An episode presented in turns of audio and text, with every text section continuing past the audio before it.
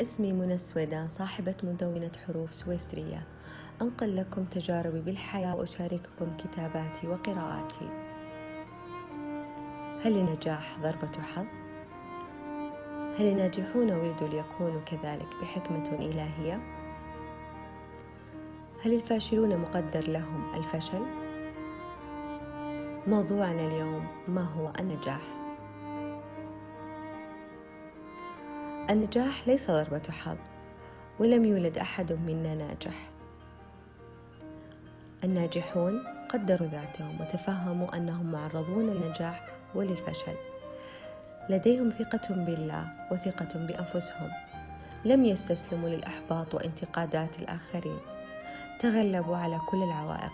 كثير ما شاهدنا في السينما قصص مستوحاة من حياة الناجحين. مثال ستيف جوبز. الذي ألهم الكثير.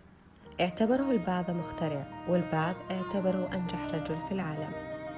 ستيف جوبز لم يدخل الجامعة ولكن قدم للعالم الكثير. أول جهاز كمبيوتر شخصي ناجح.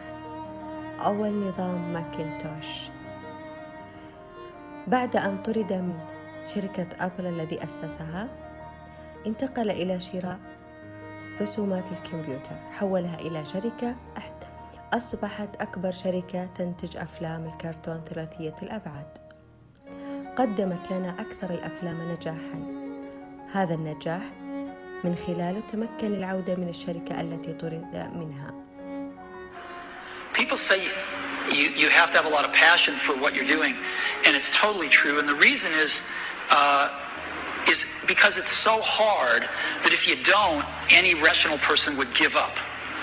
It's really hard. And you have to do it over a sustained period of time. So if you don't love it, if you're not having fun doing it, you don't really love it, uh, you're going to give up. And that's what happens to most people, actually. If you really look at, at, at, at the ones that uh, ended up you know, being successful, unquote, in the eyes of society and the ones that didn't.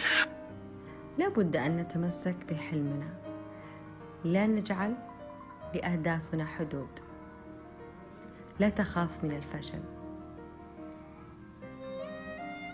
الإخفاقات مجرد تجارب نستفيد منها. لا تتوقف عن التعلم وتطوير نفسك. اكتب نقاط قوتك ونقاط ضعفك. النجاح لا يقتصر على أحد. النجاح لا يعني الحصانه من الفشل. تذكر أن أغلب الناجحين كانوا يحملون الحقائب والأغلب موزع الصحف وبائع فشار وسائق تاكسي. لم يعيقهم شيء عن تحقيق هدفهم.